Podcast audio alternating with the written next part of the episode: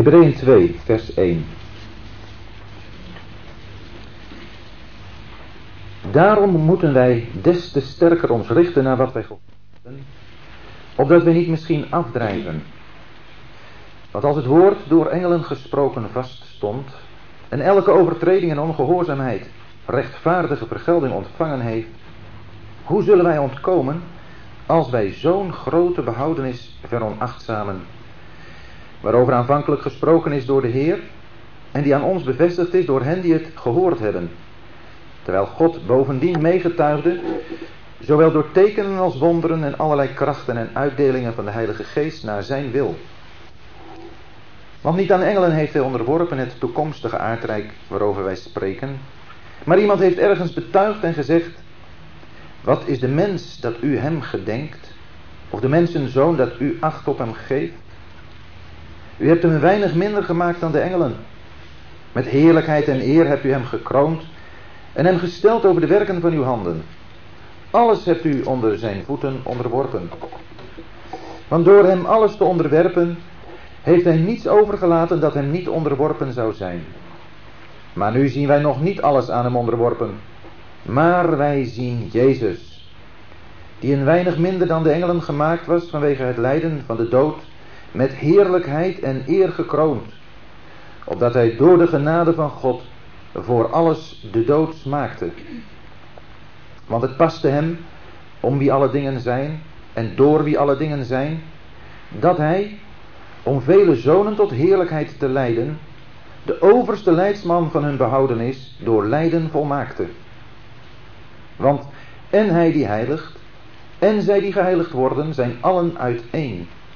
Daarom schaamt hij zich niet hen broeders te noemen en zegt, ik zal uw naam aan mijn broeders verkondigen. In het midden van de gemeente zal ik u lof zingen. En opnieuw, ik zal in hen vertrouwen hebben.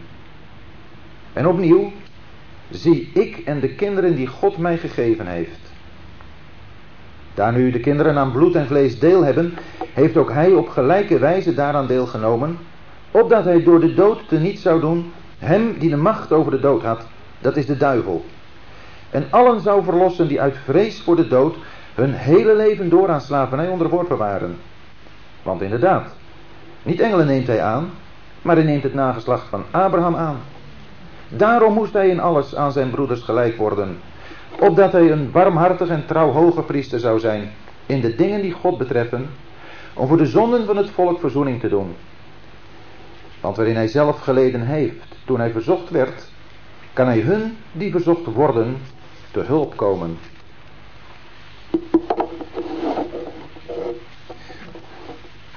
Tot zover het woord van God. We hebben eh, de vorige keer een begin gemaakt met een brief die nu niet direct een makkelijke brief is, maar die aan de andere kant een brief is die elke christen zou moeten boeien. Omdat het grote onderwerp in deze brief de persoon van Christus zelf is. Deze brief, zoals uh, gezegd de brief aan de Hebreeën, geeft al gelijk aan aan wie die in eerste instantie geschreven is en dus ook voor bedoeld is. Dat waren de gelovigen uit het volk Israël, die in de Heer Jezus hadden geloofd. Ze hem, die gekomen was, aanvaard als hun Messias. En ze hadden gedacht, dit is degene die al Gods plan en beloften gaat vervullen. En daar was op zich natuurlijk niets mis mee, maar dat was ook zo. Alleen waar ze zich in vergisten, dat was het tijdstip. Alleen wat ze zich in vergisten was dat Christus eerst moest lijden en daarna in zijn heerlijkheid ingaan. En dat dat grote gebeuren, het lijden van de Heer Jezus, bepalend is, bepalend was voor hen die toen in Hem geloofden, en tegelijkertijd ook bepalend is voor ieder die vandaag in Hem gelooft. Ieder die in Hem gelooft is verbonden met een Christus die geleden heeft en gestorven is. Maar daarbij is het niet gebleven. Hij is ook opgestaan. En hij is naar de hemel gegaan. We hebben het gelezen, gekroond met heerlijkheid en eer. Het grote verschil voor de gelovigen aan wie deze brief in eerste instantie geschreven is.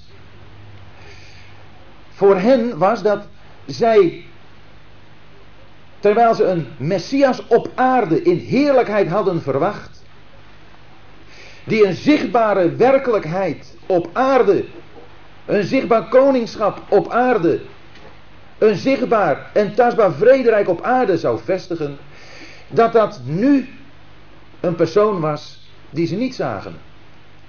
In omstandigheden die totaal anders waren dan ze zich hadden voorgesteld. Maar de persoon in wie ze hadden geloofd, die was niet veranderd.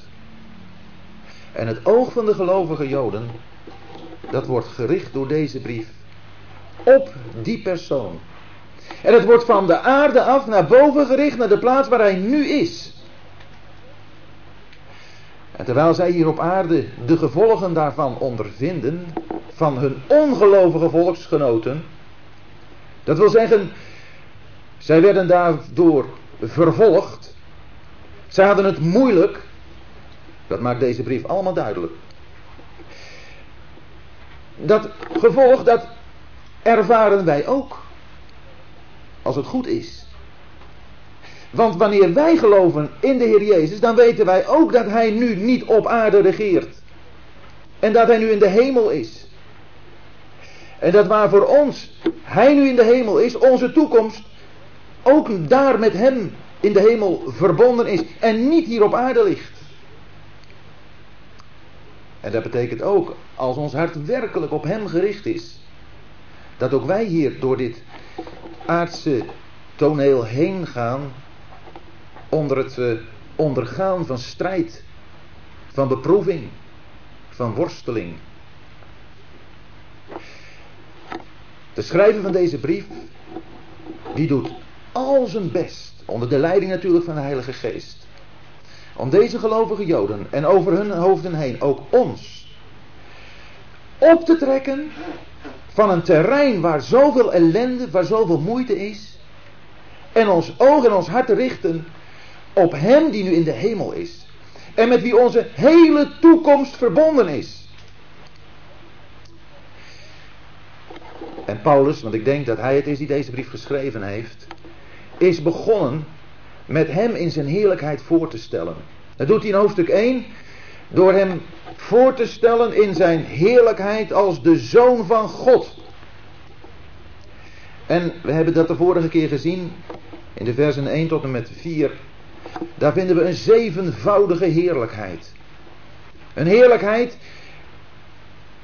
die telkens wisselend is, maar die steeds schitterend is. En de schrijver van de brief die gaat in de volgende versen van hoofdstuk 1, vers 5 tot en met 14, daarvoor ook de bewijsvoering aanhalen uit die geschriften waar zij mee vertrouwd waren, uit het Oude Testament. En een zevental aanhalingen uit het Oude Testament. Laat hij het unieke van deze persoon zien, zoals in het Oude Testament was aangekondigd. En tegelijk zegt hij daarmee tegen u en mij, lees het Oude Testament en ontdek daarin de heerlijkheid van Christus. Wij die mogen leven in de tijd van het Nieuwe Testament. Wij hebben het Oude Testament gekregen als een, een beeldenboek. Waarin we steeds opnieuw en steeds meer heerlijkheid van de Heer Jezus mogen ontdekken. Want Hij is het centrum van de hele schrift. En het is de schrift, beste vrienden, broeders en zusters, die we ook vandaag nog hebben. De schrift die we ook als enige basis voor vandaag nog hebben. En het is met het oog daarop dat Paulus in hoofdstuk 2, vers 1, waar we vanavond mee willen beginnen, zegt: Daarom moeten wij des te sterker ons richten naar wat wij gehoord hebben, opdat wij niet misschien afdrijven. Deze gelovige Joden aan wie hij schreef, die waren gewend aan een zichtbare, tastbare, uiterlijke godsdienst. Alles was tot in detail voorgeschreven. En alles was zichtbaar. En zij moesten leren dat op te geven, dat los te laten. Want alles wat zij aan tastbare werkelijkheid en dat was hun door God geschonken, hadden gezien en gekregen, dat had in Christus zijn vervulling gekregen. Als wij bijvoorbeeld denken, om maar een voorbeeld even te noemen, aan de tabernakel, dan weten we dat dat de woonplaats van God was. En als je dat leest in Exodus 25 tot en met 40, dan onder de voorlichting van Gods geest, dan ga je in al die onderdelen van de tabernakel steeds meer heerlijkheden zien van het wonen van God bij zijn volk. En wij mogen dat vandaag vertalen naar de persoon van Christus. Want juist Johannes 1 zegt ons dat het woord is vlees geworden en heeft onder ons gewoond. En wat staat daar letterlijk? Heeft onder ons getabernakeld. Christus, Colosse 1 zegt het, in wie de volheid van de Godheid lichamelijk woont. Gewoond heeft toen hij op aarde was, ook nu nog woont. Dat hele Oude Testament, dat wijst naar Christus heen. En u en ik, wij hebben die werkelijkheid geopenbaard door Gods geest gezien. Tenminste, ik hoop dat dat voor ieder van ons hier geldt. En deze gelovige Joden, zij waren in gevaar, omdat zij in hun hart zo verbonden waren met die hele uiterlijke, door God zelf gegeven godsdienst. Dat waar ze nu moesten leren leven, puur uit geloof. Maar daar zoveel tegenstand kwam. En hun ongelovige volksgenoten zeiden, ja, maar moet je luisteren, wij hebben een prachtige eredienst. Een schitterende gewaden, schitterende offers. Je kunt het allemaal zien. En jullie, wat hebben jullie nou? We zien niets van wat jullie zeggen. Ja, we moeten het maar geloven. Maar daar gaat het dan ook om. Om geloven. Om geloven wat gesproken is. En ik denk dat in de christenheid van vandaag, waarin wij nu leven, de actualiteit van deze brief aan de Hebreeën in sterke mate toeneemt. Omdat er een tendens is dat de christenheid zich weer gaat richten op tastbare zaken. Ik hoorde onlangs hoe men verschillende kerken toch weer de Sabbat gaat vieren. Hoe men daar vrijdagavonds weer een bepaald ritueel aan verbindt. We kunnen lezen hoe bepaalde afbeeldingen, iconen, beeldjes worden gepresenteerd als zaken waardoor je intenser je geloof zou kunnen beleven. En hier staat, wij moeten ons des te sterker richten naar wat we gehoord hebben. Het gaat er niet om dat wat wij gezien hebben, in letterlijke en tastbare zin, maar om wat wij gehoord hebben. Het geloof is uit het gehoor. En u en ik, en jij, wij met z'n allen, als we echt de Heer Jezus kennen, dan worden wij hier opgeroepen ons des te sterker te richten naar dat wat we gehoord hebben. Niet ook te drijven op onze gevoelens, van wat wij prettig vinden aanvoelen. Nee, sterk richten, dat is je echt intens bezighouden met wat je gehoord hebt. Omdat het gevaar aanwezig is dat je afdrijft. Afdrijven, dat is een heel geleidelijk proces. Van vlak bij de zee, en vroeger zingen we nog als het strand. En dan als daar mensen waren die op een luchtbed daar in zee dreven en het was afgaand water. Dan zag je ze zomaar zachtjes wegdrijven. En dan moest er tenslotte soms een reddingsboot aan te pas komen om die mensen weer uit de branding te halen. Maar het ging heel geleidelijk afdrijven. En afdrijven, dat doen ook wij zomaar heel geleidelijk. Dat gebeurt niet in een stroomversnelling, dat gebeurt niet met een waterval. Dat gebeurt heel geleidelijk. En daarom de oproep hier aan het begin. Daarom. Daarom moeten wij ons des te sterker richten naar wat we gehoord hebben. Want anders drijven we af. Dan drijven we weg van het doel wat God met ons heeft. Want het gaat om een woord dat door de Heer Jezus gesproken is in vers 3. Het gaat om een woord van een zo grote behoudenis. En als hij dat links laat liggen, als hij dat minacht, dan loopt het falikant verkeerd af. Er was een woord door engelen gesproken. En we hebben in het vorige hoofdstuk die uh, vergelijking gezien tussen de Heer Jezus en de engelen. En engelen hadden in het Joodse denken een bijzondere plaats. Genoten bijzonder aanzien. En we hebben gezien dat de Heer Jezus daar ver bovenuit gaat.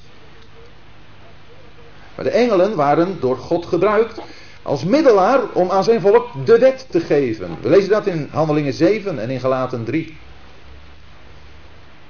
En in het Oude Testament lees je op meer plaatsen dat engelen iets gezegd hebben. Wat engelen zeiden, dat gebeurde ook. Engelen hebben nooit gelogen, behalve dan natuurlijk de engelen die gevallen zijn. Die kunnen niet anders dan liegen. In navolging van de duivel, de vader van de leugen. Maar Gods engelen, de uitverkoren engelen, ze hebben dingen gesproken en er was iets aan verbonden. En zeker met name de wet, daar was aan verbonden vergelding.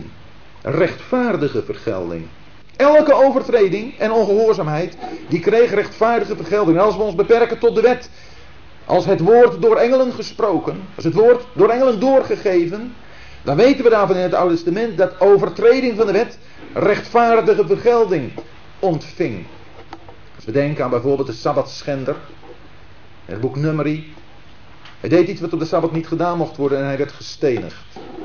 En zo vinden we tal van zaken die in de wet duidelijk gemaakt worden, worden dat waar er overtreding is, daar ook de straf op is. Overtreding ziet op de daad. Ongehoorzaamheid ziet op de gezindheid. En dat ontving rechtvaardige vergelding. Maar de Zoon van God gaat er verre bovenuit, boven het woord wat door engelen is gesproken. En het woord wat door de Zoon gesproken is, dat wordt hier genoemd zo'n grote behoudenis. Niet zomaar een grote behoudenis, maar een zo grote behoudenis. Het is, zoals we het lezen in Johannes 3, vers 16. Zo lief heeft God de wereld gehad. Dat woordje zo, dat geeft de onmetelijke grootte ervan aan. Een zo grote behoudenis. Onmetelijk groot is die behoudenis. Die heeft te maken met de hele mensheid. Aan wie die behoudenis wordt aangeboden. Niet alleen maar beperkt tot het Jodendom.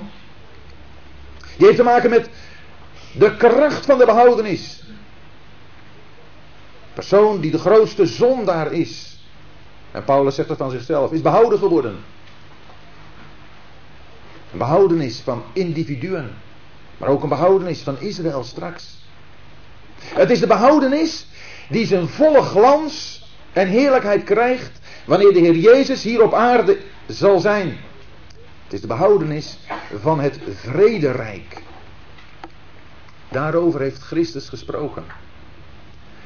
En als we dat verachten, dan missen we de eeuwigheid. Het is een woord die grote behoudenis waarover aanvankelijk gesproken is door de Heer. De Heer Jezus heeft erover gesproken in zijn leven op aarde. Heeft het koninkrijk der hemel aangekondigd. Een ander woord voor die grote behoudenis. Het is een woord dat aan ons bevestigd is door hen die het gehoord hebben. Zijn apostelen hebben erover gesproken. We lezen in de boek Handelingen over de tijden van de verkwikking. Over het herstel van alle dingen. Paulus zelf heeft erover gesproken. In Efeze 1. Dat daar de volheid van de tijden zal komen. Waarin alles onder één hoofd tezamen zal zijn gebracht. In Christus. En het is ook nog eens bovendien bevestigd door God. Die meegetuigde door het doen van, laten doen van tekenen en wonderen en allerlei kracht. En uitdelingen van de Heilige Geest naar zijn wil. Zo groot. Dat de drie enige God deze behoudenis, deze grote behoudenis, deze zo grote behoudenis heeft laten bekendmaken. In Christus. Bevestigd door zijn apostelen. Ondersteund door de Heilige Geest. De drie enige God. Broeders en zusters, jonge mensen, wat hebben wij een geweldig woord in onze handen. Als we dat mogen geloven, dat daarom gaat. Vers 1 tot en met 4 is eigenlijk een soort tussenzin. Het is de eerste tussenzin van meerdere tussenzinnen die we in deze brief tegenkomen. En een tussenzin heeft misschien een uh, ons taalgebruik een beetje de betekenis van iets minder belangrijks. Maar in het woord van God zijn tussenzinnen buitengewoon belangrijk. Ze onderstrepen in praktische zin het onderwijs wat daaraan vooraf is gegaan. En ze geven een ernstige waarschuwing daarbij. Dat je het er niet zomaar, nou, niet zomaar aan voorbij moet gaan.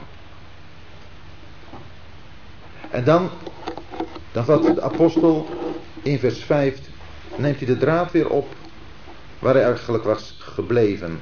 Want we hebben in vers, in vers 14 van hoofdstuk 1 gelezen over die engelen als dienende geesten en in de voorgaande versen van hoofdstuk 1 ook over die engelen.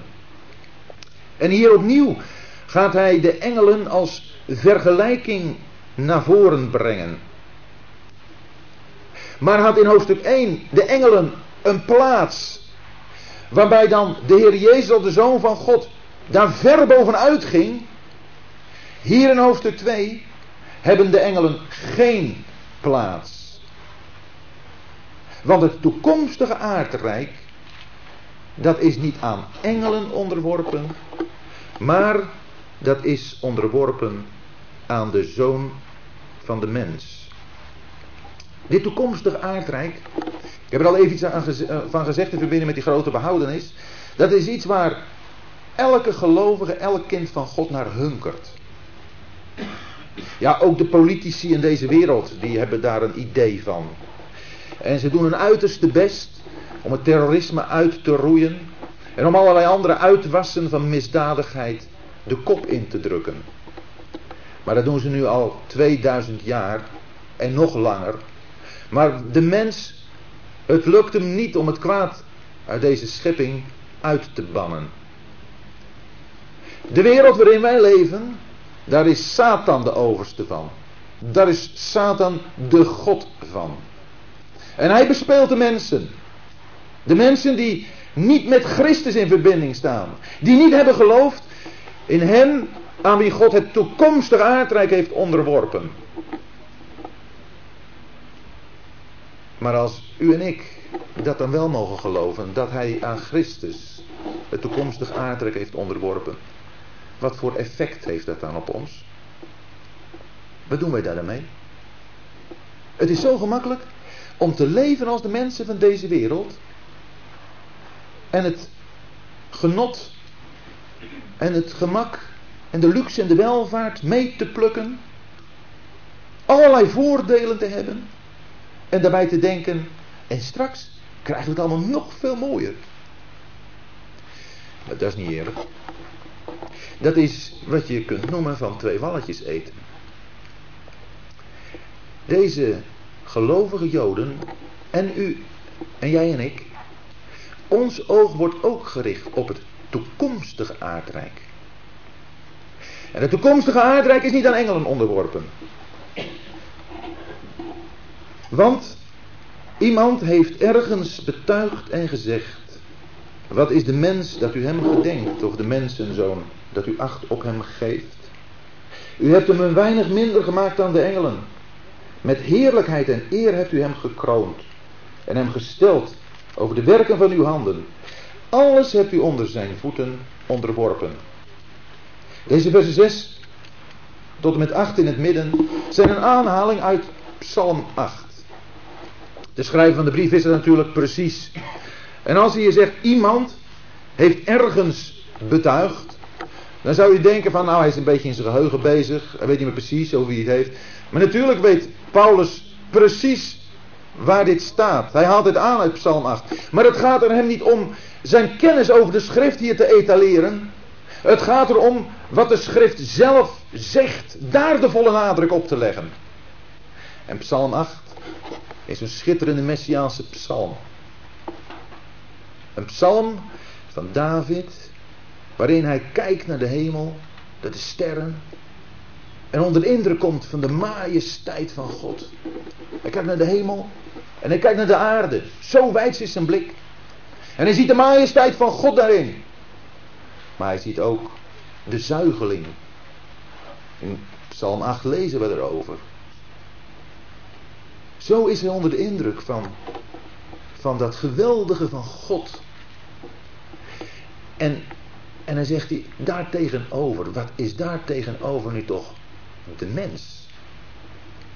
Hebt u zich wel eens verbaasd als je tegenover machtige natuurelementen staat? Een storm met hoog opgezweepte golven. Of je staat voor een geweldig bergmassief. Voel je dan niet je eigen nietigheid? Je totale onvermogen?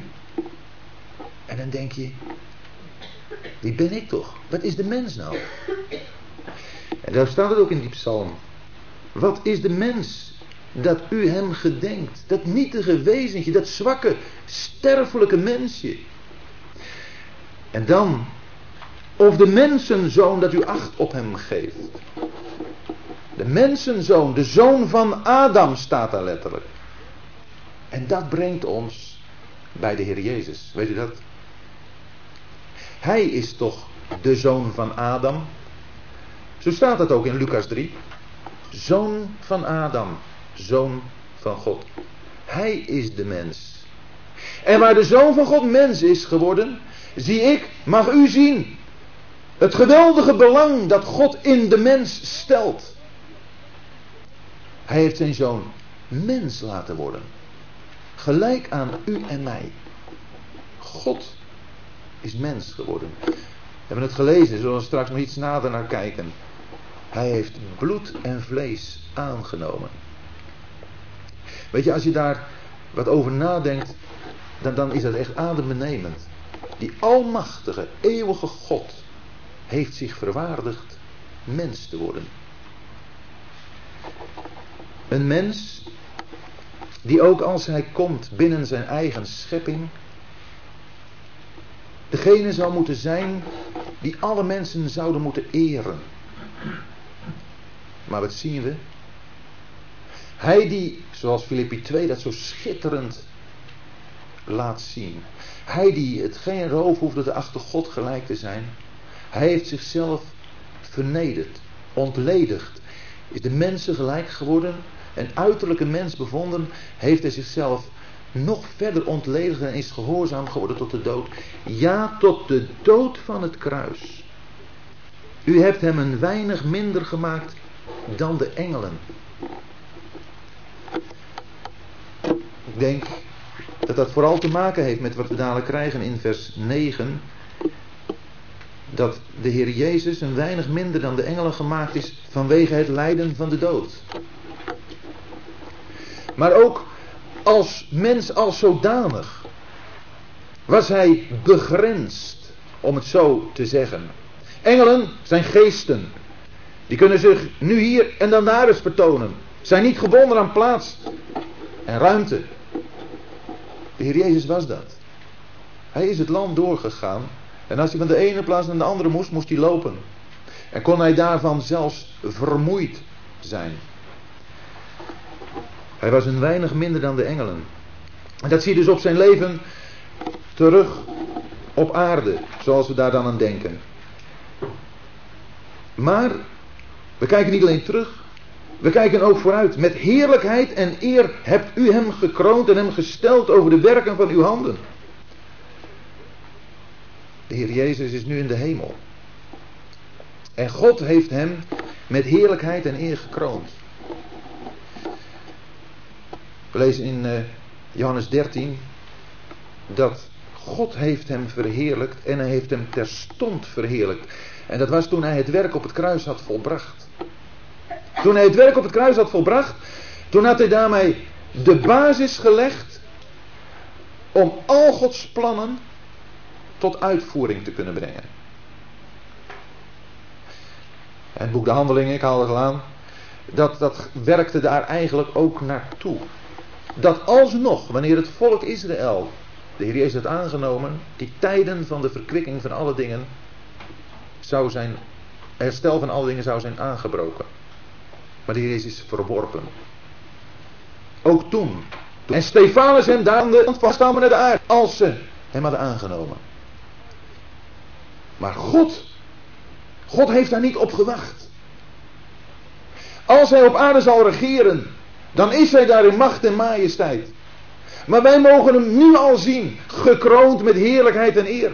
Hij heeft nu al een plaats van heerlijke majesteit. En alles hij heeft het gezag over alles. Mij is gegeven alle macht in hemel en op aarde, zegt hij in Matthäus 28. Na zijn opstanding. Geloven we dat echt? Dat hij alle macht heeft in hemel en op aarde? Het woord zegt het. Alles hebt u onder zijn voeten onderworpen. Want door hem alles te onderwerpen heeft hij niets overgelaten dat hem niet onderworpen zou zijn. Alles is aan zijn voeten onderworpen. En er is niets uitgezonderd. Ja, er zijn twee uitzonderingen. Die geeft de schrift zelf aan. In 1 Corinthians 15 daar lezen we dat God is uitgezonderd. En Efeziërs 1 aan het eind lezen we dat de gemeente is uitgezonderd. Ieder die bij de gemeente hoort, hoort bij hem en mag delen in zijn regering. In het over alle dingen gesteld zijn. Maar nu zien wij nog niet alles aan hem onderworpen. Nu nog niet. Wat een ellende in deze wereld. En het is of de duivel.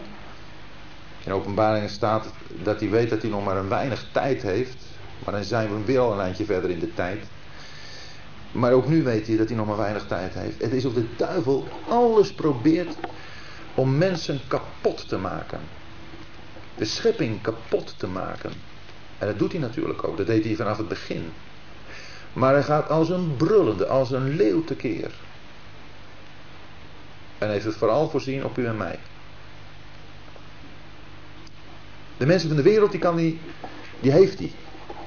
Die kan alleen maar nog tot nog gekkere dingen aanzetten. Maar u en mij, denkt erom dat hij erop uit is, u en mij, onderuit te halen. Ons het uh, genot, het genieten van de Heer Jezus en van de dingen van Hem te ontnemen. Gewoon maar ons ongelukkig te maken. En in dat opzicht hebben wij ook ons deel. En ervaren wij ook van ja, we zien nog niet alles aan hem onderworpen. Oh, we zullen dadelijk zien aan het eind van dit hoofdstuk. Er is er één die dat weet. Die dat ook ervaren heeft. En die ons heel snel te hulp komt. Maar we zien het. Wij zien nog niet alles aan hem onderworpen. Nu. En dat betekent voor het geloof. Nu niet. Straks wel. Dat is de zekerheid. En die zekerheid die kunnen we zo hardop zeggen, omdat we, waar we dan nu nog niet alles aan onderworpen zien, wij wel Jezus zien. Zie je Jezus? Dan zie je alles. Heb je aan Jezus genoeg? Of zijn er toch nog wat dingetjes die je toch uh, ook nog van deze wereld wat wilt meepakken? De dingen die je meepakt van deze wereld, daar zit het gif van Satan in. Neem het maar en je zult de pijnlijke ervaring opdoen. Maar als je Jezus ziet, als je naar Hem kijkt, heb je aan Hem genoeg. Dat is waar de apostel het hart en het oog van deze gelovige Joden op wil richten. En uw en mijn hart en oog. Wij zien Jezus. Dat wat je erbij neemt, doet tekort aan de volmaaktheid van Hem doe je jezelf aan tekort. Jezus is voldoende. Ruim voldoende. Overvloeiend voldoende. Hij is het die het hart van God vult. Gods gedachten gaan alleen naar Hem uit. En Gods gedachten gaan naar jou, naar u en mij uit. En wij zullen daar het profijt van hebben als wij ook aan Jezus voldoende hebben. Die een weinig minder dan de engelen gemaakt was vanwege het lijden van de dood. Kan ook vertaald worden die een korte tijd beneden de engelen was gesteld vanwege het lijden van de dood. Want engelen kunnen niet sterven. Hij is gestorven. Maar vanwege het lijden van de dood zien we hem nu met heerlijkheid en eer gekroond, opdat hij door de genade van God voor alles de dood smaakte. Hij is op aarde geweest. En hier op aarde, waar wij nu nog niet alles aan hem onderworpen zien, heeft de Heer Jezus het ook gezien. Hij heeft geweten waarvoor hij kwam. Want de ellende die we om ons heen zien, waar wij mede schuldig aan zijn, is door de zonde gekomen. En komt door de zonde. En de Heer Jezus is gekomen opdat hij voor alle dingen de dood smaakte. Het loon van de zonde is de dood. Want de dood is door de zonde in de wereld gekomen. En hij heeft voor alle dingen de dood gesmaakt. Smaken betekent dat hij ermee niet alleen in aanraking is gekomen, ja ook, maar het, het helemaal heeft doorgemaakt. Door ervaring ermee in contact is gekomen. Niet alleen maar van gehoord, maar hij heeft de dood gesmaakt in al zijn verschrikkelijkheid. God is zo heilig dat hij de zonde niet kan laten bestaan. En Christus is gekomen om dat probleem op te lossen.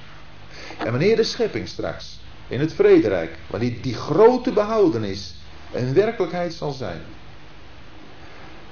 Wanneer dat aangebroken is, dan is de zonde, de vloek van deze schepping weggenomen. Als je openbaring 5 leest, we hebben daar zondag in een samenkomst aan gedacht, dan zie je hoe dat uh, de Heer Jezus, het lam, staande als geslacht, degene is die uh, het boek van Gods raad kan openen, die zegels kan verbreken en daar de schepping kan gaan vrijmaken van alles waardoor de zonde op deze schepping is komen te liggen. En hij neemt de zonde weg. Hij doet dat. Het is door de genade van God dat hij dat heeft gedaan. Waarom heeft God nou niet met deze schepping gewoon afgerekend? Toen Adam en Eva gezondigd hadden, hebben ze daarmee God als het ware een klap in zijn gezicht gegeven. En je God, we geloven je niet. Je wilde het goede wel voor ons, maar we hebben even geluisterd en uh, die ene boom, hè, daar mochten we toch maar mooi niet van eten. Maar we hebben het gedaan. Nou, toen wisten ze het ook. En u en ik, we weten het ondertussen ook. God had deze schepping toen kunnen verwoesten. God heeft ervoor gekozen, ik weet niet of ik het zo kan zeggen, maar God heeft ervoor gekozen voor een oplossing die alleen in zijn hart kon opkomen. En dat was het zenden van zijn zoon, die voor wat in deze schepping door onze schuld gekomen was, de prijs heeft betaald om het weg te nemen. En dat is genade. Want wat wij verdiend hadden, u en ik verdiend hadden, dat was de hel. En die dreiging is wat u en mij betreft weg. Want het paste hem, om wie alle dingen zijn, en door wie alle dingen zijn, zegt vers 10, dat hij om vele zonen tot heerlijkheid te leiden, de overste leidsman van hun behouden is, door lijden volmaakte. Het paste hem. Het, hoorde helemaal bij God, bij zijn wezen en zijn natuur, dat hij om wie alle dingen zijn. Want het gaat om Christus hier. Om wie alle dingen zijn. Het doel van Gods handelen is altijd Christus, zijn verheerlijking. En door wie alle dingen zijn. God is ook de oorsprong ervan. Het is bij hem begonnen. Dat hij om vele zonen tot heerlijkheid te leiden, de overste lijstman van hun behouden is door lijden volmaakte zagen we in vers 9 Gods handelen in Christus. met het oog op het welzijn van de schepping, van het totaal, hè, want het was om alle dingen dat hij de dood smaakte, voor alles. Hier in vers 10 zien we dat te midden van dat grote geheel daar mensen zijn die hij zonen noemt. Ja, echte stijve stand bij stil. Als je dan denkt, en ik hoop dat het voor ieder van ons geldt, daar ben ik er één van. God heeft te midden van de totaal ook aan mij gedacht en is met me bezig. En niet zomaar eentje, vele zonen. Hij wilde uit dat grote geheel vele zonen tot heerlijkheid leiden. Weer een andere benaming voor het toekomstige aardrijk. U en ik, wij zijn op reis naar de heerlijkheid, dwars door allerlei problemen en ellende heen. Het doel is heerlijkheid. En wie gaat ons voor? Wie is ons voorgegaan? Een overste leidsman. De Heer Jezus is hier geweest. Hij is al in de heerlijkheid. En het is net als met Mozes, die het volk Israël uit Egypte door de Rode Zee en de woestijn heen heeft geleid, door de Jordaan heen en gebracht in het beloofde land. Mozes, die had zijn opleiding gehad, 40 jaar in een woestijn, bij de schapen. Om de leidsman van het volk Israël te kunnen zijn, had God Mozes een poosje in opleiding genomen. En zo is het bij de Heer Jezus ook. Op dit moment is hij in de hemel. En wij zijn hier op aarde. Hij is aangekomen op een plek waar het alleen maar heerlijkheid is. En goed, hij wacht net zoals wij nog op een heerlijkheid hier op aarde. Maar hij is de overste. En hij heeft zijn weg op aarde hier volbracht. En nu is hij met u en mij, met ons samen bezig. Vele zonen, we zijn hier maar een paar. Maar ze gaan over de hele wereld, die zonen. Daar loopt er eentje en daar loopt er een. En daar is een clubje bij elkaar en daar zit er wat bij elkaar. Hij ziet ze overal. En hij weet van ieder van die zonen wat er in het hart is. Wat de moeilijkheden zijn, de problemen, de zorgen. En hij zegt, laat het er niet bij zitten. Ik ben die weg gegaan. Ik ben hem vooruit gegaan. Ik ben nu daar waar jij straks mag komen. En dan gaan wij samen, samen weer terug naar de aarde. Om die werkelijke heerlijkheid op aarde te vestigen en daar te genieten. Dat hij de overste leidsman van hun behoudenis door lijden volmaakte. Want het is één die dus niet alleen maar voor ons is uitgegaan, maar die ook alle ervaringen kent die wij moeten meemaken. Hij weet het precies. Hij weet precies wat u, wat jij op dit moment voelt. Waar je nood zit, waar je zorgen zijn. Waar je mee worstelt. Het gaat wel om zwakheid. Het gaat wel om dingen die bij dit leven horen. Het gaat niet om zonden. Zonden, daar kan hij geen medelijden mee hebben. Zonden moeten wij ook beleiden en veroordelen. Maar zwakheid, daar kan hij medelijden mee hebben. Daar weet hij van. En daarin helpt hij ons nu. Want en hij die heiligt en zij die geheiligd worden, zijn allen uiteen. Hierin mogen we zien dat wij samen met hem één en dezelfde plaats voor God innemen. Is hij daarbij God? God ziet hem, maar God ziet ook ons. Het gaat om iets wat we mogen delen met hem. En dat is het enige waarin wij elkaar kunnen bemoedigen, waarmee wij elkaar kunnen ondersteunen. Natuurlijk, wij kunnen ook elkaar helpen door eens met elkaar te delen wat, wat we hebben meegemaakt. Wat we soms moeilijk vinden. En daar kun je wat aan hebben. Je kunt er best wat aan hebben als je leest of hoort van mensen die ook bepaalde soorten van problemen hebben gekend of ermee zitten. Dan kun je bepaalde dingen delen. Dat is ook een stuk medelijden. Maar degene die ons uiteindelijk alleen kan helpen, op een volmaakte wijze ook begrijpt. Want, ik weet niet of je dat ook wel eens meegemaakt hebt, maar als hij dan eens wel eens iets deelt. Ja, je moet er ongelooflijk goed met elkaar kunnen omgaan, elkaar volkomen kunnen begrijpen. Om, om te voelen, je begrijpt me helemaal. Maar als je dan uit elkaar gaat, gaat ieder toch weer naar zijn eigen situatie. En dan moet je het toch maar weer gaan waarmaken. En dan is de Heer Jezus erbij. Hij gaat mee. Dat gaat nooit uit elkaar. Hij die heiligt. En zij die geheiligd worden zijn allen uiteen. Het wordt hier zo geschreven om verwarring te voorkomen. Verwarring tussen de zoon en ons als zonen. De Heer Jezus die spreekt als hij is opgestaan, dan ook tegen zijn discipelen, tegen eh, Maria, ga heen, zeg mijn broeders, ik vaar op naar mijn vader en uw vader, naar mijn God en uw God. Hij zegt niet, ik vaar op naar onze vader en onze God.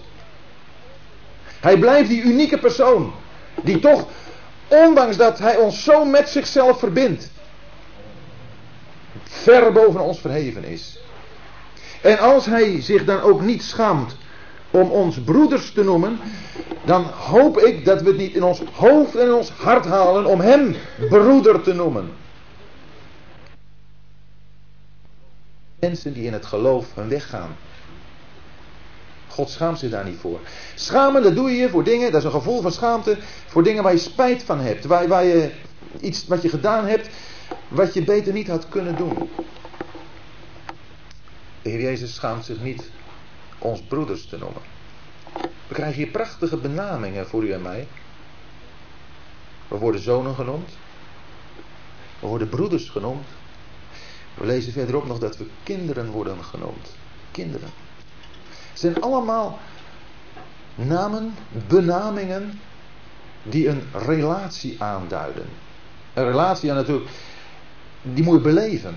Een relatie waarin geen beleving is, dat is, dat is iets doods. Dat is trouwens ook iets walgelijks. Maar een relatie mag je beleven. En God, de Heer Jezus, die schaamt zich niet om ons broeders te noemen en zegt: Ik zal uw naam aan mijn broeders verkondigen. In het midden van de gemeente zal ik uw lof zingen. De Heer Jezus, aanhaal op Psalm 22. En Psalm 22 is die prachtige psalm, indrukwekkende psalm. Diep ingrijpende psalm. Die spreekt over hem als het zondoffer. Als degene die van God verlaten is geweest vanwege onze zonden. En waardoor onze zonden zijn weggedaan. En nu de relatie met God een werkelijkheid is geworden. Maar om God werkelijk te leren kennen, was het ook nodig dat Hij ons vertelde over de Vader. Ik zal uw naam aan mijn broeders verkondigen. Zo is Hij tot ons gekomen. Zo wil Hij elke dag bij ons komen. Hij wil ons elke dag vertellen over zijn Vader. Hebben we daar een open oor voor? Luisteren we ernaar als we het woord s'morgens, of smiddags, of s'avonds, of wanneer je maar tijd hebt, lezen? Dat je dan gaat lezen met een geopend oor, met een vraag, Heer Jezus, vertelt u mij meer van uw Vader? Daarvoor is hij gekomen. Daarvoor is hij ook in je hart komen wonen. En daarna, in het midden van de gemeente, zal ik uw lof zingen. Daar zie je hem, te midden van, van dat volk dat bij hem hoort. En daar gaat hij tot God zijn stem verheffen. En wij, wij mogen daarmee instemmen. Dus eerst komt hij namens de Vader naar ons toe om ons te vertellen van zijn Vader. En dan bevindt hij zich te midden van ons. En als hij dan over de Vader verteld heeft, dan gaat hij lof zingen. En dan vallen we allemaal bij. Wij zeggen, ja, die vader, dat is ook mijn vader. En willen we hem prijzen. En dat heeft hij kunnen doen omdat hij waarachtig mens is geworden. Zo dicht is hij bij ons gekomen. Hij is mens geworden. En zijn mens zijn, zijn mensheid, dat zie je op een schitterende manier in vers 13. Waar een aanhaling uit Psalm 16 staat. Ik zal in hem vertrouwen hebben. In Psalm 16, daar lees je het eerste vers. Ook zo'n prachtige messiaanse psalm.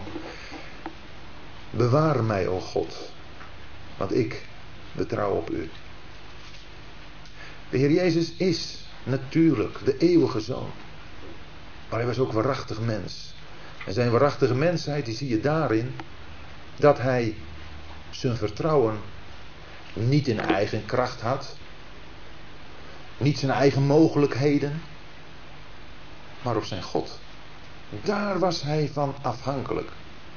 En dat is een van de belangrijkste geheimen, maar ik hoop voor ieder van ons wetenschappen die we als christen mogen hebben. Een van de belangrijkste wetenschappen dat het echte christelijke leven pas dan geleefd wordt wanneer er volstrekte afhankelijkheid van God is. In een volstrekt vertrouwen op God. Zodra wij het vertrouwen op God enigszins opzeggen, worden we ongelukkig. Dan ga je mensen krijgen, dan ga je mensen ontmoeten die hun eigen oplossingen bedenken. Problemen die ze hebben gecreëerd. Misschien wel dat ze in hun geloof wat stuk gelopen zijn op God. En dan gaan ze denken van, heeft toch geen zin? Heeft helemaal geen zin. De Heer Jezus heeft vertrouwd op God. Toen hij aan het kruis hing, toen zeiden de omstanders, hij heeft op God vertrouwd, laat hij hem verlossen.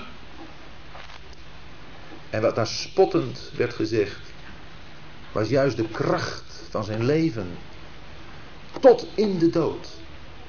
Een vertrouwen op God is alleen maar echt vertrouwen als er totaal menselijkerwijs geen uitzicht is op een vervulling van Gods beloften. Dat is vertrouwen.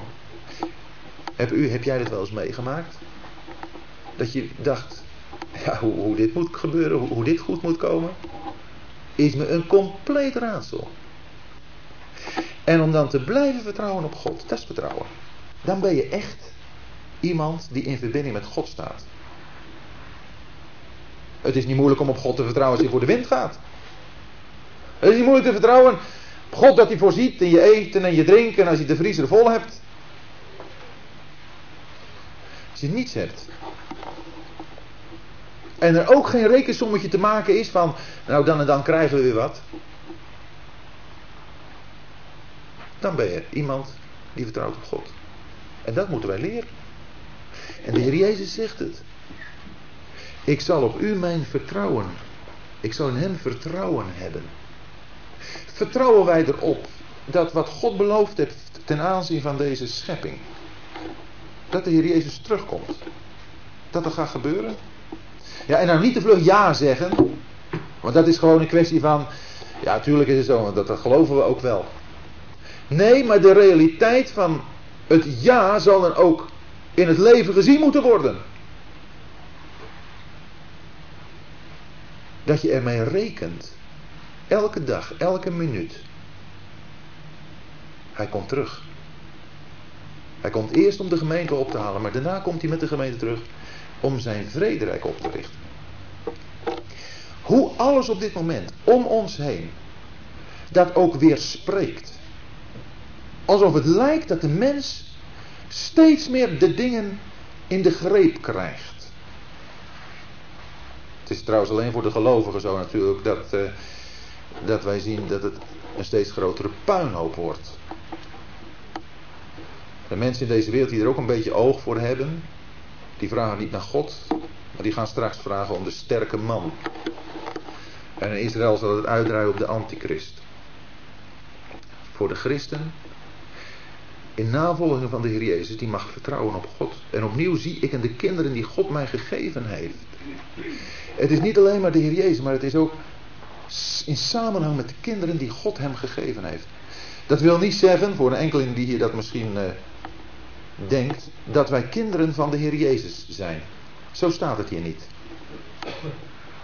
Als de Heer Jezus zegt, zie, ik en de kinderen die u mij gegeven hebt, dan zijn het niet de kinderen van de Heer Jezus, maar dan zijn het de kinderen van God. Iemand vertelde, dat is, verduidelijkte dat, dat als een, een, vader en een moeder tegen hun kinderen, en ze hebben er een partij, eh, dat ze naar de stad kunnen gaan en daar is een of ander, eh, ja weet ik veel wat, een festiviteit. En, en zegt de vader tegen de oudste jongen, zegt, joh, jij moet er goed op zorgen, ervoor zorgen dat je broertjes en zusjes allemaal bij elkaar blijven. En hij eh, pakt een groot stuk touw en dat houden ze dan allemaal een beetje vast. En zo gaan ze door de stad. En dan komen ze zo weer terug. En dan zegt hij tegen pa: Kijk pa, hier. Hier, ik en de kinderen die u mij hebt uh, gegeven, mij hebt toevertrouwd. Zo mogen we dat hier zien. De Heer Jezus en de gelovigen, dat zijn de kinderen van God. Wij zullen bij Hem komen, bij God komen. We zullen daar die eind dat, dat einddoel bereiken. En omdat de kinderen aan bloed en vlees deel hebben, heeft ook hij op gelijke wijze daaraan deelgenomen. Opdat hij door de dood er niet zou doen, hen, hem die de macht over de dood had, dat is de duivel. De Heer Jezus is mens geworden. Om zich met ons en ons met zich te kunnen verbinden. Hij heeft bloed en vlees aangenomen. Bloed wordt hier eerst genoemd, denk ik, om, om duidelijk te maken dat de zonden moesten worden verzoend. Maar in eerste plaats staat hier dat hij het gedaan heeft, opdat hij door de dood niet zou doen hem die de macht over de dood had, dat is de duivel. U en ik, we waren in de macht van de duivel. En ieder mens in deze wereld is in de macht van de duivel. En door de dood heeft hij nu de macht van de duivel teniet gedaan. Het is als David die Goliath verslaat en met zijn eigen zwaard, dat wil zeggen het zwaard van Goliath zelf, Goliath het hoofd afhakt. En door de dood die Christus gestorven is, en zijn triomfantelijke opstanding, is de dood overwonnen. En is de duivel zijn macht ontnomen. Want het was door de macht van de dood dat de duivel heerste. We lezen in Kolosse 2, dat meen ik aan het eind zo'n beetje.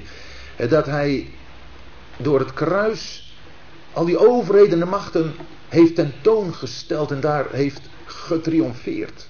Dat is een heerlijke zekerheid voor kinderen van God. En daardoor allen verlossen zou die uit vrees voor de dood een hele leven door aan slavernij onderworpen waren. De dood, Job spreekt erover als de koning van de verschrikking.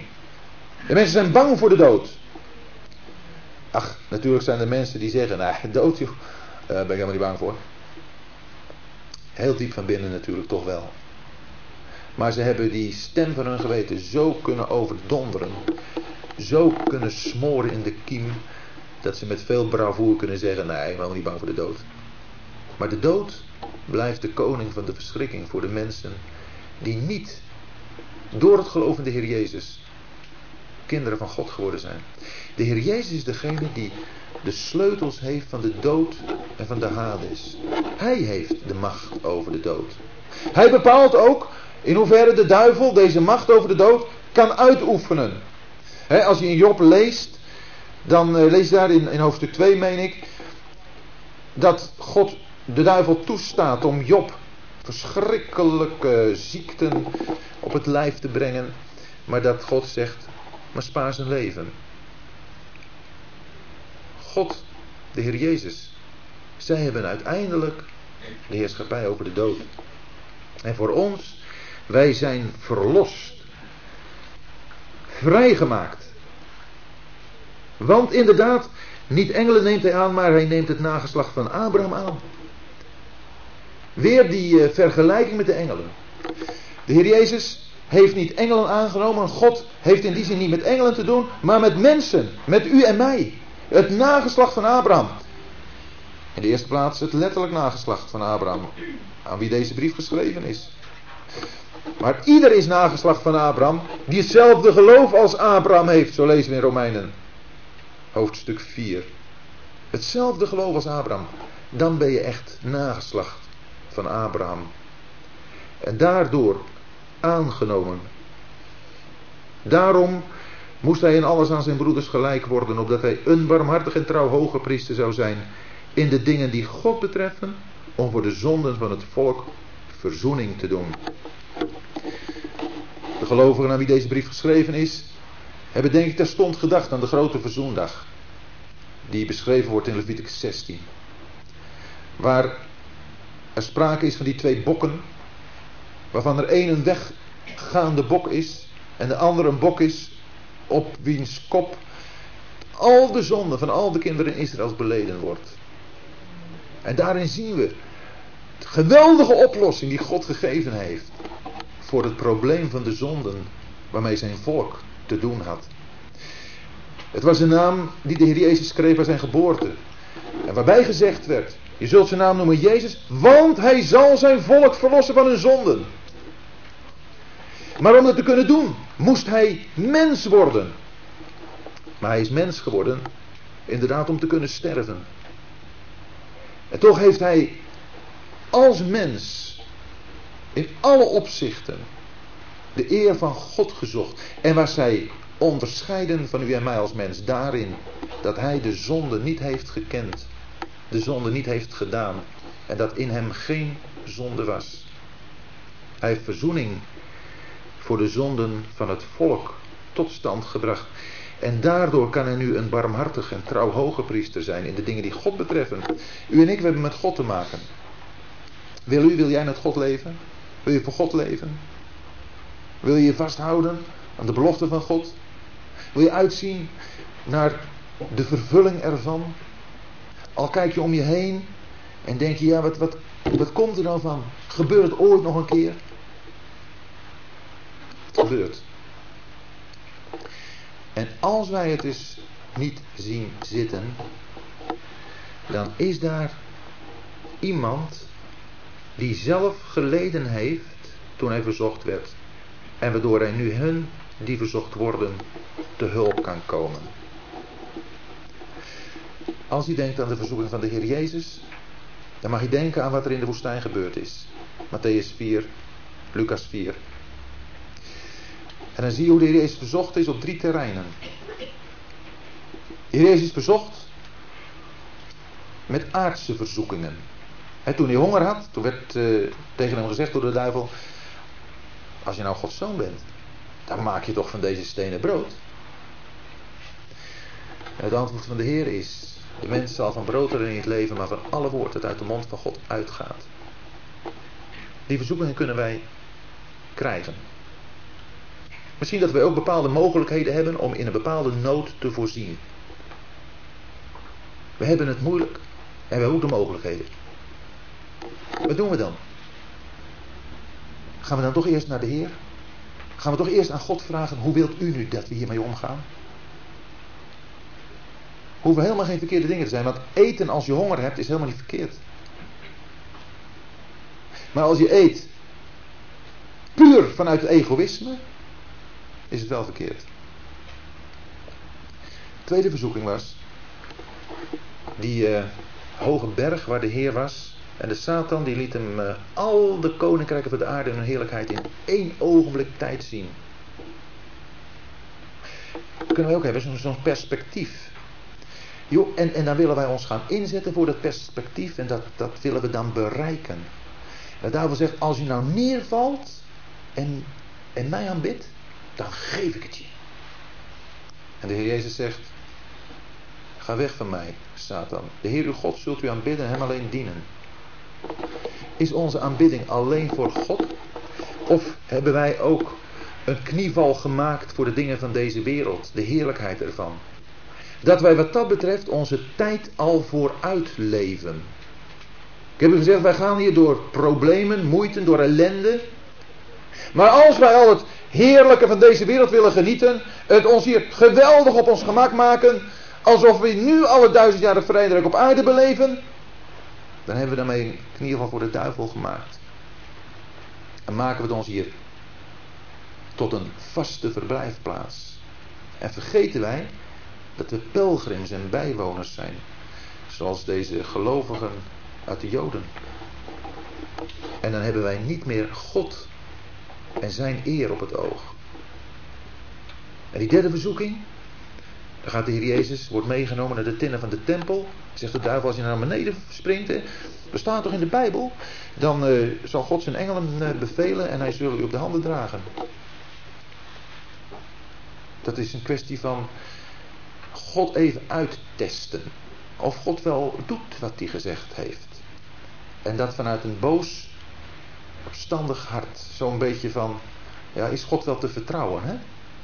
Twijfel zaaien, dat doet de duivel oh zo graag. Wat is dan ons antwoord? Vertrouwen wij God in alle dingen?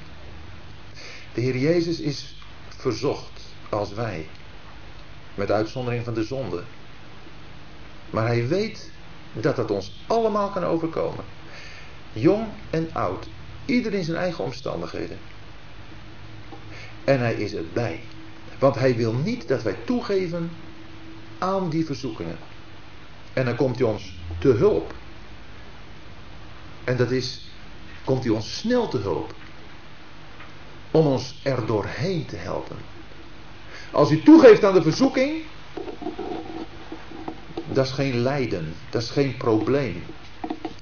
Dan ben je, ja, om zo te zeggen, van je probleem af. Maar de pijn daarna, dat is dan omdat je gezondigd hebt, omdat je onafhankelijk van God bent opgetreden. Daarmee kan er niet meeleiden, moet je weer beleiden. Maar hier gaat het erom dat de Heer Jezus ons daarvoor wil behoeden. En hij heeft geleden door nee te zeggen tegen alles wat niet van God kwam. En wij moeten leren nee zeggen tegen alles wat niet van God komt.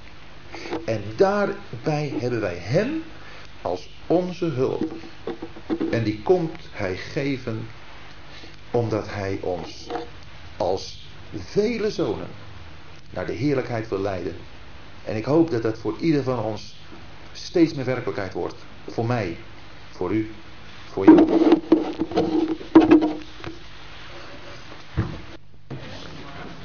En uh, we proberen daar wat van te zeggen.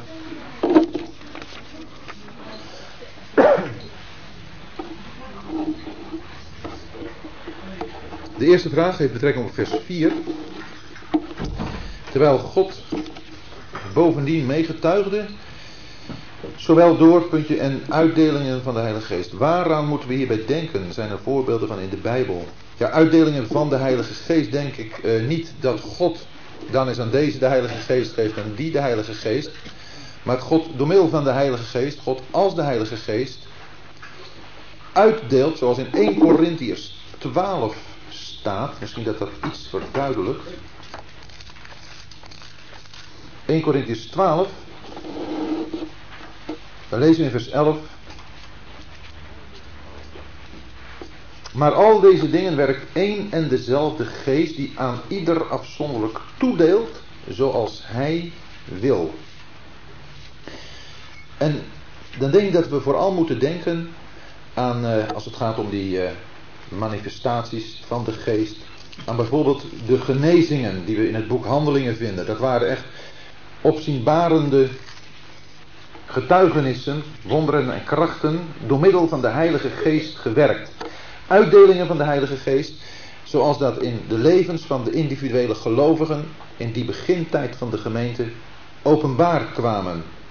En ik denk als we het boek De Handelingen lezen, dan vinden we daar toch een aantal van deze uitdelingen, manifestaties van de geest, die een, een onderstreping waren van het woord dat was gesproken. We vinden dat bij Petrus bijvoorbeeld. We vinden het ook later bij Paulus nog wel. Dus uh, in het boek De Handelingen denk ik, daar moeten we aan denken als we voorbeelden daarvan zoeken. Een tweede vraag, vers 13. Ik zal mijn vertrouwen op hem stellen. Hoe is het verband met vers 11?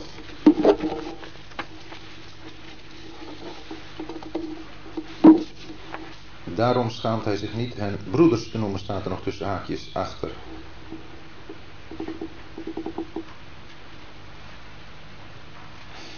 Dat ontgaat de vraagsteller. Ik dacht dat ik er al even kort op gewezen had dat in vers 13 het ik zal in hem vertrouwen stellen ons laat zien hoe volmaakt de Heer Jezus mens was. En hoe volmaakt afhankelijk hij was als mens. En juist daarin is hij niet alleen maar een voorbeeld, maar ook verbindt hij de gelovigen, de kinderen van God met zichzelf. Hij is degene die met hen als broeders verbonden is, die ook hun vertrouwen willen stellen op God. In een ander verband is dat, maar ik dacht in de evangeliën, daar lezen we over de Heer Jezus die zegt, een ieder is mijn moeder en mijn broeder en mijn zuster die de wil van God doet. Met andere woorden, hij plaatst daarmee zijn broeders in dezelfde relatie tot zijn God. En daarmee verbindt hij zich. En hier gaat het om dat volkomen vertrouwen. En dat is ook wat de broeders, de gelovigen, wij als, als zonen, kinderen, toch ook op God willen hebben. Niet dat wij dat op die volmaakte wijze doen natuurlijk. Bij ons is het allemaal zeer beperkt en zwak. Maar als wij met Hem verbonden zijn en die plaats innemen van uh, dezelfde positie voor God zoals de Heer Jezus, dan weten we voor onszelf dat het ook ons verlangen is.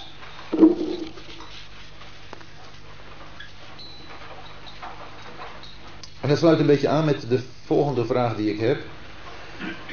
Vers 11. Zij allen zijn uiteen. Wordt hier het kruis bedoeld? Wil je hier nog iets over zeggen? Het kruis is natuurlijk de basis ervoor. Die uitdrukking zijn allen uit één. Ja, dat heeft te maken met eenheid.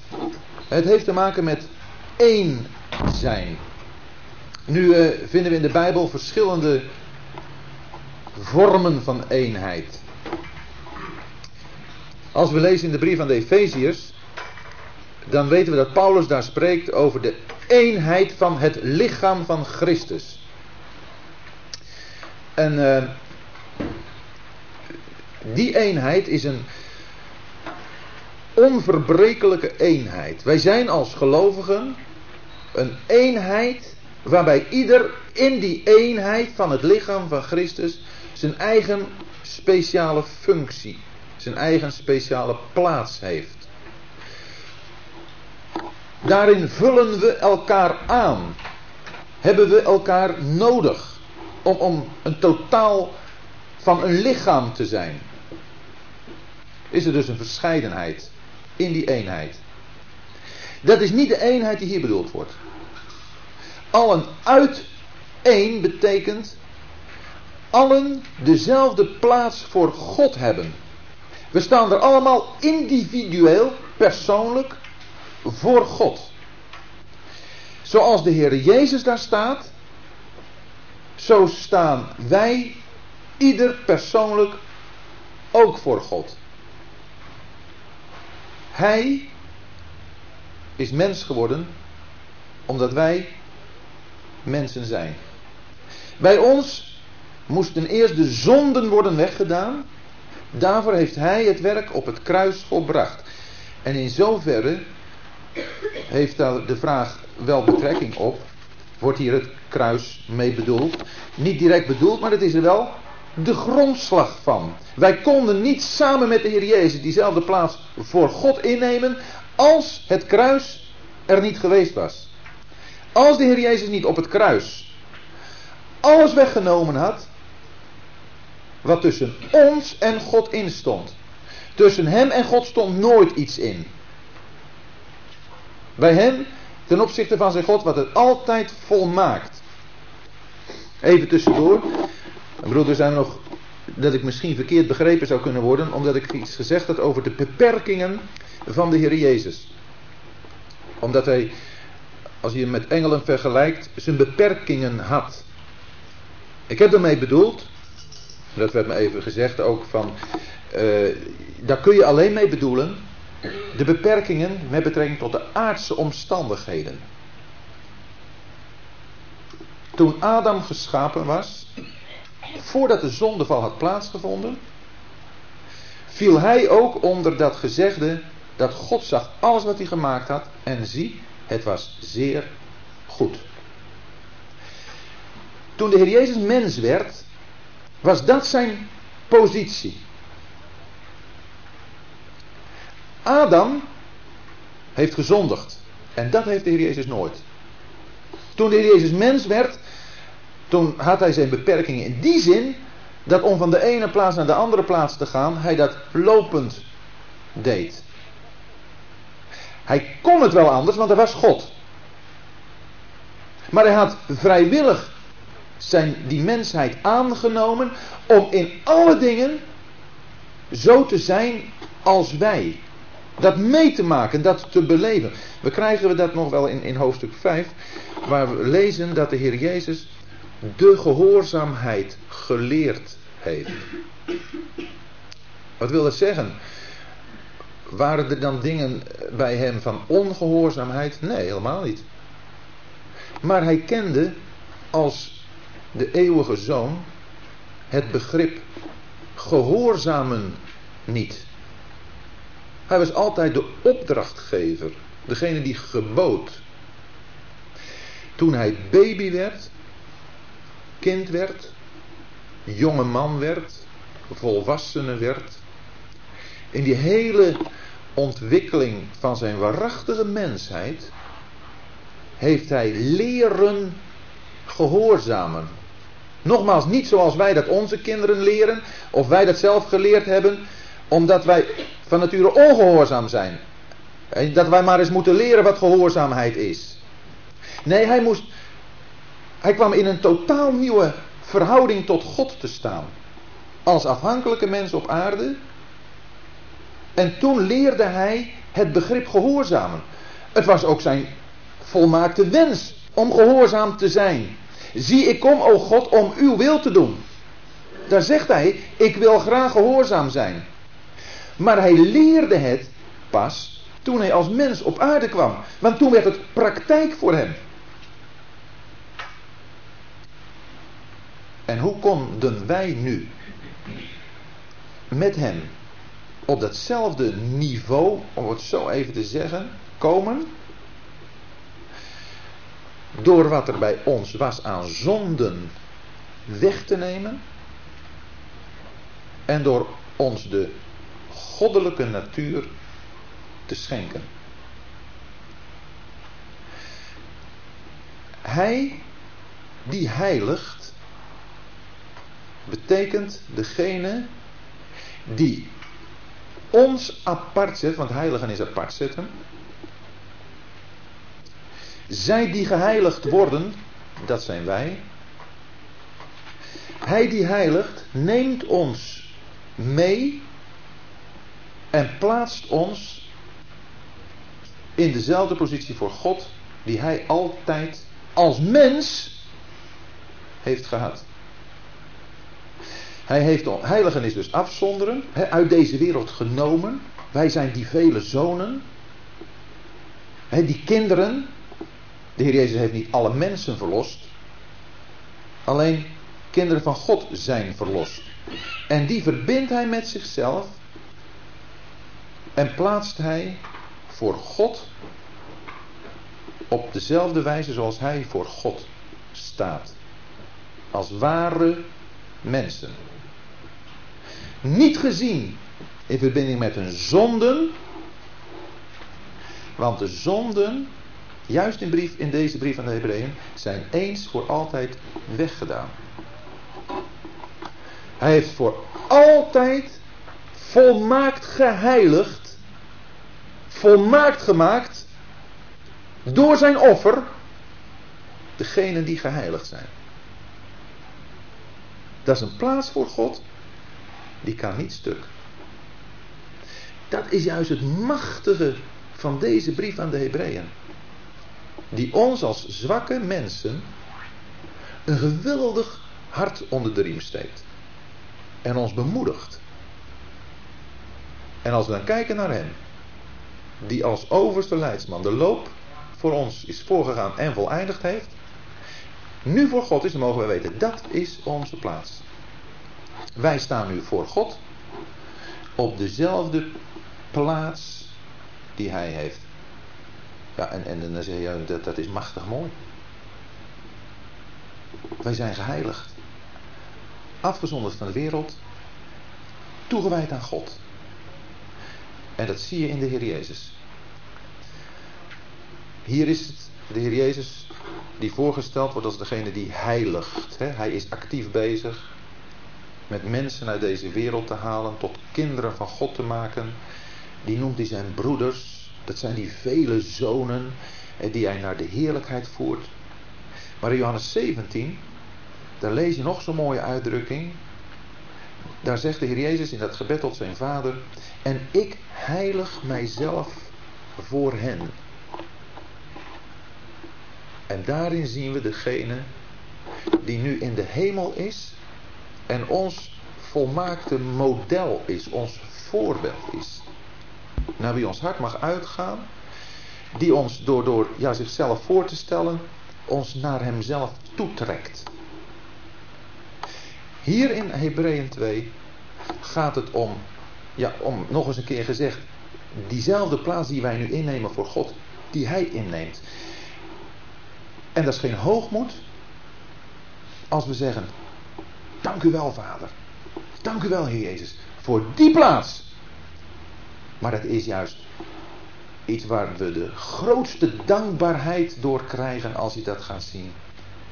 En, en als je ja, daar ook in je hart werkelijk van geniet, de werkelijkheid daarvan accepteert, in geloof, in vertrouwen dat het dat is wat ons gegeven is, dan heeft dat zijn effect op ons leven op aarde.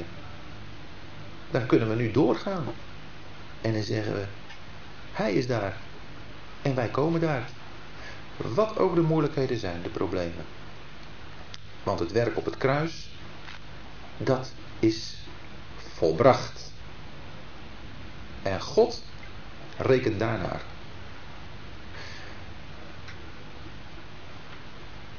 Ja, verder zou ik niet zo goed weten wat ik er nog mag toevoegen. We kunnen er allemaal nog eens meer over nadenken, meer voor bidden. En in het woord lezen. Er iets over lezen, met elkaar over praten. Elkaar bemoedigen. Voorwaarts, christenstrijders. Zijn er nog mondelinge vragen?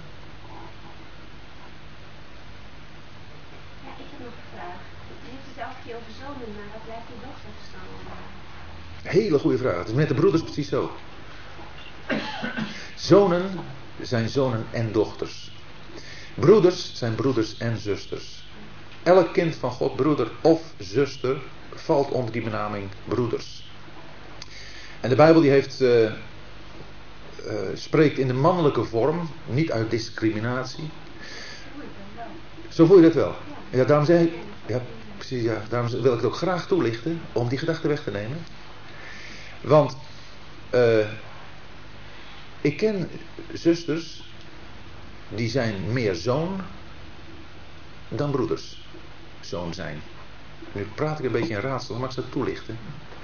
Want zonen, dat heeft te maken met een, een plaats van verantwoordelijkheid naar God toe. Het besef dat hij mij heeft aangenomen, maar ook dat ik met hem mag praten, mag hem met hem mag delen.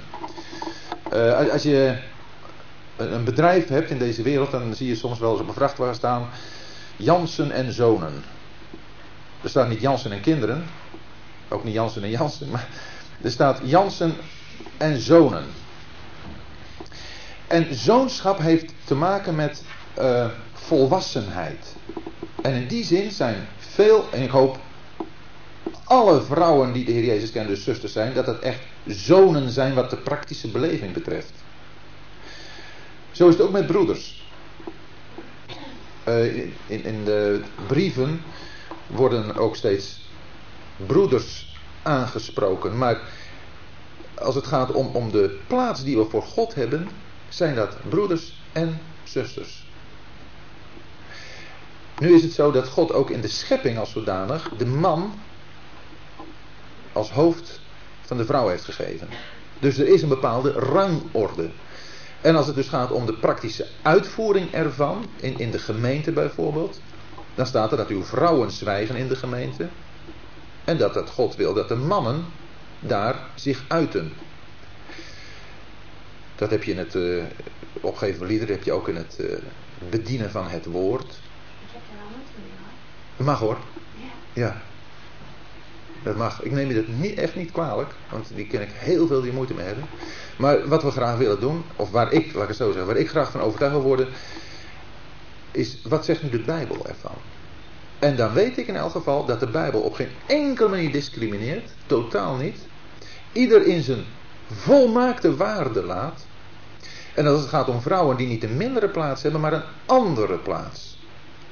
En als het gaat om de praktijk van vrouwen in hun omgang met de Heer Jezus, vaak uh, ja, er beter uitkomen, over het even gewoon te zeggen, er beter uitkomen dan mannen.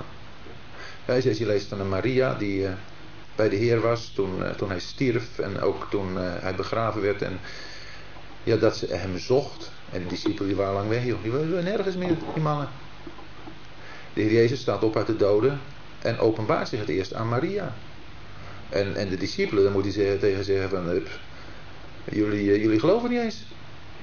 Je moest je verwijten maken om een ongeloof. Dus ik denk dat er bij de Heer positieve discriminatie is. In bepaalde opzichten. Echt machtig mooi. Maar het is heel belangrijk om in de tijd waarin wij leven, uh, waarin het, feminisme en zo uh, ja, zich nogal breed maakt, gewoon weer terug te gaan naar de Bijbel. De meest gelukkige plek die een mens kan innemen is de plek die God hem geeft. En hoe ontdek je die plek? Door de Bijbel te lezen. En als ik me onderwerpen wil aan wat God zegt, ben ik gelukkig. En als ieder dat wil, is ieder gelukkig. En dan nemen we ieder onze plek in. En heb ik mijn beperkingen. En een ander heeft ook zijn beperkingen. Maar we moeten onze verantwoordelijkheden kennen. En die ook willen invullen. En dan hebben we elkaar nodig. Echt, echt heel hard nodig. Dus uh, ja, daar proberen we wat van te maken. Ja. Maar ik vind het fijn voor de, zulke vragen, daar hou ik van. Ik ben blij dat je ze durft te stellen.